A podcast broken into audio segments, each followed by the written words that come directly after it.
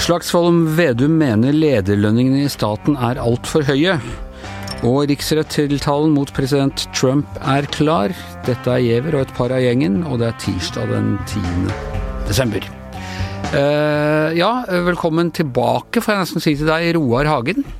Ja, takk. Det er hyggelig å være her. Ja, for, for altså tilbake til podkasten og tilbake også til redaksjonen. Dette har jo ikke leserne sier, for du har jo vært på trykk hele tiden.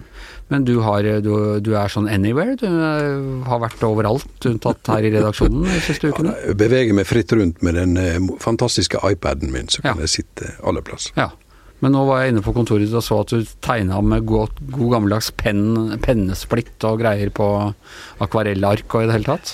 Altså, jeg var nettopp i eh, Edinburgh med, med Yngve Kvistad, og da trygla han pent om jeg kunne lage en ordentlig pennetegning. Ja. Så jeg satte meg ned med papir og blokk og Så bare vi trygler, så får vi pennetegning? Altså, det Nei, var men det, greit. det, Jeg ville gjerne lage det, men det tar, tar en del mer tid. Ja, ja, Men, eh, så det holder jeg på med nå. ja, ja. Det er veldig stas med pennetegning, syns, syns vi alle, når, når det kommer. Ja, hjertelig takk. Det blir liksom i musikkens verden. Så hvis du Ja. sammenligner en synthesizer med med et piano Ja. Du kan få pianolyd, men det er Ja. ikke det samme. Nei, nei, nemlig. Ja, eh, nok av det. Altså, eh, du var tilbake på morgenmøtet i dag. Jeg kom litt seint, men det var eh, høy temperatur da jeg kom, for da hadde dere snakket om lederlønninger i staten. Er de for høye? Vi tar en duell på dette mellom deg og Hans Petter Sjøli. Kan jeg få lov til å begynne? Ja, du kan få begynne. Nei, jeg, jeg, jeg, jeg, vet, jeg husker ikke hvorfor jeg var så uenig, egentlig. Uh, men uh, Prøv å huske så det blir litt temperatur i sendinga her. Nei, altså det var vel det, det som uh, Slagsvold Vedum da mener, at vi skal fryse lederlønningene på til 1,5 millioner. Altså det omtrent det statsministeren tjener, skal det være sånn slags tak, da. Mm. I dag så er vel det, har de et tak i dag som er på, på et par millioner, så vidt jeg forstår. Uh, men altså, han mener at her er da viktig å å fryse de, de lønningene som ikke får nært for noe, noe økt, eh, økte honorarer, de som sitter på toppen. Og Det har skapt en viss eh, irritasjon i andre politiske miljøer, som mener at det her er sånn klassisk eh, Vedum som har lankene sine langt ned i populismegryta. ikke sant? Mm. eh, fordi f.eks. For Monica Mæland, eh, som er ansvarlig statsråd, sier jo at det å kunne lønnsfeste i staten, det er ikke noe problem, det her. Han prøver bare å lage, lage en, et svar på et problem som ikke finnes, da. Ja. Hvor mye bør ledere leder i stat, for det bør jo være tak, det kan jo ikke sende det samme kan ikke være det samme som i eh, privat næringsliv? Nei, men du har f.eks. Riksadvokaten, da, som mm. et godt eksempel. Uh, kjenner vel det nå 1,7, tror jeg. Og det er jo ikke noe fantastisk lønn for den høyeste eh, eller sjefen for påtalemakten. Eh, og eh, skal vi Vi er jo forventer jo da, eller vi, det er jo viktig i et samfunn at de flinkeste folkene kommer til den type jobber. Eh, og det er klart når en eh, person som er innenfor juristbransjen kan da godt tjene 15-20 mill. i det private, så kan det kanskje da på sikt hvert fall føles som at hvis det blir for lave lønninger der, at de, flinkeste drar andre steder. da. Det er i hvert fall et argument mange bruker. Dette var ikke du helt enig i, Roar? Nei, altså, for meg er det veldig enkelt. Altså, I det private næringsliv, og folk som driver sin egen business, så må det være fri lønnsfastsettelse, uten tvil. Når det gjelder eh, statskassen, så blir det jo litt annerledes. Og eh, vi ønsker ikke en eh, riksadvokat som tar jobben for pengene. Nei, men eh, samtidig må vi betale altså Når du ser hva Betale jurister er ellers kan tjene, så 1,7 millioner er ikke veldig mye i den verden Nei, der. absolutt. Han må gjerne ha mer for meg. Men eh, Vedum han påpeker noe som eh, veldig mange opplever i dag. Det er at eh, forskjellene øker. Eh, polariseringen øker. Det dannes et bilde av en, eh, av en klasse som, som forsyner seg sjøl, som sitter i hverandres styre og stell. Og utnevne og etterlønne og styre og stelle. Og, og hvis du først begynner å angripe statskassen, eller fylkes- eller kommunekassen, så er det jo uendelig. Men dette er jo et enda større problem i det private næringslivet med fri lønnsfastsettelse og sånne ting, med gutteklubben Grei, som man da gjerne alltid kaller dem. Og, Jo, og men det blir allikevel en kamp mellom eh, fagforeningene og, og, og eierne. Så det, det har en litt annen eh, betydning enn dette, da. Men eh, selvfølgelig å sette et lønnstak blir jo feil. Men jeg syns han har et, eh, allikevel et, et, et, eh, tankevekkende poeng, da. At, eh, at vi må vise moderasjon. Og de som skal tjene oss, tjene samfunnet, tjene vår sivilisasjon. De må ikke være grådige etter penger. Det eh, tror jeg ingen er uenig i, faktisk. For det, og det er aller minst eh, Nå sitter jeg som skal være i regjeringa her, men, eh, men eh, også, hun der Monica Mæland sier jo også at det, det, er viktig at staten skal være påholdende og være, ha, ha, At det skal, det skal være en, en, slags ære også da, i det å representere det offentlige Norge. sånn sett. Men, men det som er litt rart med forslaget til, til Vedum, er at han da går på departement, direktorat og underliggende etater, som jo eh, ja, der, der, er jo det, er jo det er jo det øverste, da. Men han, han angriper da ikke foreløpig, i hvert fall de foretakene hvor det her er virkelig et problem. For det er det vi har sett for ja, Halvstatlige og halvstatlige foretak? Ja, f.eks. Vy, ikke sant. Mm. Um, hvor han sjefen der tjente 3,5 millioner hva det var for noe, så gikk han over i en annen stilling, og så får han like mye der og sånn. Eh, samme NRK, ikke sant. Der har jo eh, kringkastingssjefen 3,5 mill. i året. Der er det jo faktisk, eh, tror jeg, det er som Roar sier også, der er det jo faktisk et problem, altså. Det som jeg tror kanskje strider mot uh, folks oppfatning av, av ja, hva som er rettferdig. Ja, og ingen risiko. Ingen risiko verken før eller etterpå. og, og, og, og uforståelig for mange mennesker. Og det vi ser i helseforetakene osv. også. Det blir mer og mer anonyme representanter som sitter i styret, som bestemmer, og de tjener masse penger, og folk mister sykehus og osv. Men, men ta sånn som NRK altså i gamle dager, og det er vi jo glad at det ikke er sånn lenger, så var det en tidligere Arbeiderparti-statsråd som fikk den jobben, og det var vel statsråd eh, lønn. Nå er NRK den største mediebedriften i landet. Det er helt klart uh, Tor Gjermund Eriksen, han, er, uh, han har vært redaktør i Dagbladet, og, og han har en, en mm. høy kvalifikasjon for dette her.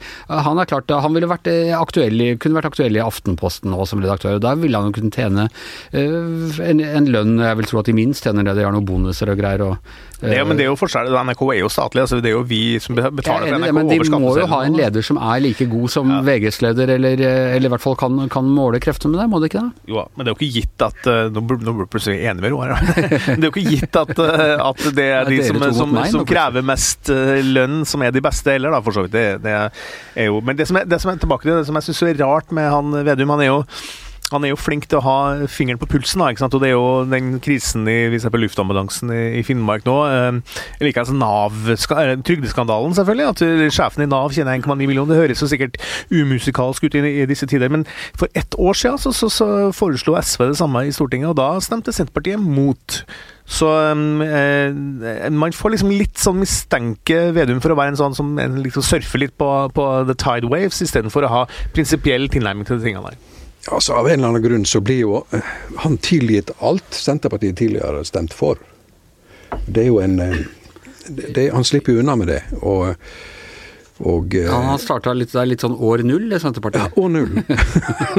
Når de kom til makta, så blir det år null. og Sånn ja. blir det jo selvfølgelig ikke. Men jeg tror han skjønner og senser tidsånden. Det er hans begavelse. Han skjønner at dette er en uro blant folk, et nytt klasseskille, en ny eh, avstand mellom mennesker og styrende og folk osv. Og, og det, dette benytter han selvfølgelig. Jeg syns jeg ser en sånn Senterpartileder i dette regjeringen som skal starte med Vi har snakket om at Lundteigen skal bli reverseringsminister og reversere tilbake til ca. 1973. Men, eh, men så sette ned lønningene til uh, ekspedisjonssjefer og Det er jo ikke det han har foreslått. Da. Han har foreslått frys, og så, mm. så skal han senere innføre et slags tak. da det er noe vanskelig, men, men eh, men jeg, jeg, må si, dette er min erfaring nå etter å ha gått på, på Forsvarets høgskole. Og man eh, eh, har møtt en del folk ganske høyt oppe i Forsvaret.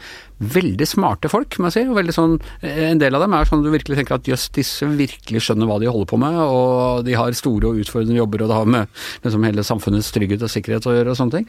Og de har relativt uh, beskjedent betalt. Dette er folk som helt sikkert kunne gjort det veldig bra i det private næringsliv. Så jeg synes jo Norge, og dette er bare da Forsvaret er ett eksempel, Norge har vært ganske gode til å rekruttere gode ledere som ikke gjør, gjør dette for penga. Mm, og det har vi nå også. og, det er jo, som Monica Mæland sier, altså det, er jo, det, er jo, allment akseptert i alle miljøene at det skal være mer beskjedne lønninger innenfor staten enn i private. Men det som, er, det som virkelig driver ulikheten i Norge og i hele verden, for så vidt, det er jo ikke lønna i statlige i departementene. Det er, jo, det er jo det som skjer i privat sektor. I bank og forsikring og finans, hele det feltet. Det, det er der virkelig folk kjenner seg styrt og nesten litt sånn, uh, litt sånn hjelpeløst rike, ikke sant? Uh, sånn at uh, om, om hvorvidt en, en Hjelpeløst rik, ja, det var, ja, En hjelpeløshet jeg kunne klart å håndtere. Ja, ja, kanskje, men man, da må man, må man begi seg ut på så mye andre galeier, vet du. Men, men nei, altså om en ekspedisjonssjef tjener 1,6 eller 1,7 millioner, tror jeg har veldig lite å si for ulikhetsdriverne i samfunnet. Ja. Ja. Jeg følte egentlig at vi egentlig er ganske enige her, eh, vi tre. Ja, er det ikke så Altså, det, det, er jo Vi vil jo ikke ha folk i disse stillingene som er for griske. Nei. Og det, og det er klart, altså, er du riksadvokat eller regjeringsadvokat, så har du en helt annen status og verdighet i livet ditt enn om du er en, en, en med forretningsadvokat og skatteplanlegger. Ja. Ikke... må også si at Den statusen har jo vært litt synkende. Jeg ser på liksom sånn, en del av sånne akademikere, professorer og sånne ting, veldig høyt, og leger og sånn, veldig høyt for en 30-40-50 år siden. Ikke så høyt nå lenger. Så det har jo så da kanskje de må få litt penger istedenfor staten? Ja. Jo, jo, de må jo få penger, det er klart. Ok, vi må ta litt om, om eh, Trump eh, også. Det blir, blir, alltid mye Trump, men nå er altså nå i, eh, i, dag, og kanskje når dere hører dette, så har da demokratene presentert tiltalen mot ham i, i riksrettssaken. Og eller, eller, anklagene, og det var altså to anklagepunkter. Det var jo snakk om hvor mye kom de til å ta med, kom de til å dra hele den der eh, påstanden om, om samrøre med russerne øh, og sånne ting. Men det dreier seg altså om øh, maktmisbruk, som går på denne øh, Ukraina ja, altså, ja, ikke bare selve samtalen med presidenten i Ukraina, men hele prosessen som gikk forut. At han skal ha krevd gjenytelser og Quid pro quo. Ja, og, og, holdt tilbake eh, midler som allerede var bevilget av prinsessen. Også eh, at han skal ha motarbeidet uh, Kongressen. Og de presenterer anklagene i dag, og så skal det stemmes over neste uke. Og så er det rett og slett uh, den tredje riksrettssaken uh, mot uh, noen amerikansk president i gang. Ja, For det blir ikke noe spesielt tvil om at det her blir vedtatt i det lavere kammeret? Nei, det tror jeg ikke. Det er ingen, ingen demokrat i Representantenes hus som kommer til å stemme mot det. Det som kan bli spennende, tror, det er om noen Eh, for det er en del eh, demokratiske senatorer som kommer fra noen sånne Trump-vennlige eh, valgkretser. Og det er ikke sikkert at alle demokratene engang vil stemme for en fellende dom av Trump. Det blir litt spennende å se. I Senatet, mener du? Ja, i Senatet. Ja, men, men altså, vi får jo en, en, sak nå sikkert som Ja, det blir en, det blir en riksrettssak, og den kommer til å starte allerede i januar. Ja, og Hvor lange varer sånne prosesser? Ja, hvor lenge var det med Clinton? da? Det, altså, de, til de er ferdig med bevisførselen. Eh, For det begynner jo å nærme seg valget også. ja, det, det gjør det. Og, og, det er jo det spesielle nå. altså Da, da Clinton ble stilt for riksrett, så var han allerede i sin siste epoke.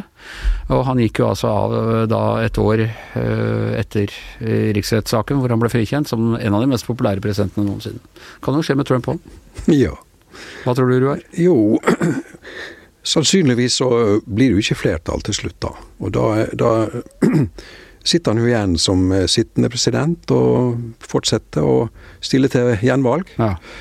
Og eh, det kan jo fort vendes mot eh, demokratene hvis dette faller til jorden. Det vet vi ikke. Det er jo liksom to ting her. Enten så øh, Det er selvfølgelig to ting, enten blir frikjent eller øh, felt. Men, men øh, effekten kan være Den kan bidra til å destabilisere han, og kan komme fram ting som liksom selv republikanske velgere sier at dette er for drøyt. Og man vet jo at, at Trump er jo på en måte han, han, sliter jo ut disse republikanske velgerne. Han var ikke opprinnelig republikaner, og, og det er mye sånne ting. Han kommer fra, fra New York, syndens by, og han har ikke levd, levd han har ikke vandret på den smale sti. Men det andre kan også være at det bare bekrefter den fortellingen hans om at uh, du vet medieeliten og, og, politikerne i Washington og alle disse her, de har aldri godkjent dette valgresultatet. De har prøvd å hoppe på enhver anledning, og nå er denne heksejakten bare fortsetter. Ja, de vil avsette folkets utkårede. Ja, det er jo fortellingen han eh, kommer til å kjøre. Ja. Samtidig så er det jo en eh, åpning for det her da, i, i Grunnloven, og da, da, får vi jo tro at f.eks. en person som Nancy Pelosi, som har en viss troverdighet her, da, i at hun, stod, hun mente lenge at det her ikke skulle skje. da. Mm. Hun uh, ville jo egentlig ikke ha riksrettssak. Nettopp, men så dukka jo den saken her opp med, med, Ukraina, og da snudde hun også. ikke sant? Og Det betyr jo at mange der da faktisk mener at det her er så graverende at det bør uh, gå den veien, da, uten at det ligger noe taktikk under av den grunn. Formuleringen er jo rett og slett at Trump har satt rikets sikkerhet in clear and present danger. kjenner vi egentlig som en sånn det er vel en bok av han, eh, han med Red October, Tom Clancy, uh, egentlig. Men, men uh, det, er, det er bortimot en anklage om høyforræderi, dette her, altså. Ja, og det er jo en utrolig spesiell sak også, det må vi ikke glemme. da, At han har liksom pressa en, en, ja, i hvert fall påstått da, en ukrainsk, helt sånn fersk, uforberedt president på en ganske sånn ja, måte som vi ikke har sett maken til, faktisk. Så, så den, i den forstand så kan jo så, ja, Saken er jo verdt å gjøre, men, men som du understreker hele tida, Anders, så, så vil jo neppe føre til noe dom her. Men noe av det fascinerende altså, de, de, har jo ikke da et parlamentarisk system, så du kan ikke stille mistillit og kaste en regjering på den, på den måten som egentlig er den greieste og mest demokratiske måten jeg veit om å, å, kaste korrupte ledere på. Eh, men eh, når, når du ser på hva grunnlovsfedrene og, og Alexander Hamilton og disse her sa om grunnen til at de ork, eh, ønsket en sånn impeachment clause, en riksrettparagraf i Grunnloven, så var det fordi de fryktet en konge. ikke sant? De hadde jo frigjort seg fra, fra England The Crown. Ja, fra The Crown, ja, fra den gale kong George. nå har de fått en. Hva? Nå har de fått en Ja, nå har de fått en, en ny konge. Og de formuleringene, og, og, det de frykta mest, var nemlig en gal konge som skulle liksom eh, rotte seg sammen med utenlandske interesser. Det er det de frykter. Og det er nesten helt eh, corny når du hører en del av de der gamle liksom, tingene som Hamilton skrev og sånne ting. Det er jo som han beskriver Trump, altså. Ja, nei, de hadde jo De frykta jo slike eneveldige typer, da, selvfølgelig. Men, men en riksrett det er jo ikke en vanlig rett, det er jo en politisk rett. Det har ikke noe med jus å gjøre, egentlig? Egentlig ikke. Det er jo en mulighet til å avsette hvis flertallet danner seg slik. Mm. Og så får vi se. Men foreløpig så Og Derfor så ligner det jo mest på et sånn mistillitsforslag som du snakka om. Det er jo egentlig det det er snakk om her, mm. en sånn prosess som vi ville hatt i Norge f.eks. Men at der har du fått en slags sånn juridisk innpakning i det. ikke sant? Men det er jo som det, det er åpenbart et, et politisk spørsmål. Ja. Har han tillit, eller har han ikke tillit? Du, du kan si Den store forskjellen med, med, Clinton var jo Clinton var det sånn har, ja, Det ene var det har han motarbeidet uh, etterforskning og sånn, men, men, det viktige var sånn har han løyet for en, et rettssystem? Det var et sånt klart har han begått et relativt klart lovbrudd her. Uh, mens uh, med Trump så går det enda mer på hvor store fullmakter har faktisk presidenten. og det vil skape presedens, og det må jo også republikanerne være forberedt på. Jeg tror jo sagt at, at, han ikke kommer til å bli felt her, men da har man utvidet fullmaktspekteret til presidenten. Og er det noe vi kan være helt sikre på, er at republikanerne kommer ikke til å, å styre til evig tid. Og når demokratene kommer tilbake, hvordan vil de da utnytte det rommet? Det, det blir litt mer spennende. Men med det så tror jeg vi er uh, ferdig uh, for i dag. Uh, skjer spennende ting framover. Det er valg i England også, får vi, får vi snakke om i morgen eller senere i uka. I studio i dag Roar Hagen, Hans Petter Sjøli, Anders Giæver og vår høyesterettsjustitiarius Magne Antonsen. Vi høres igjen i morgen.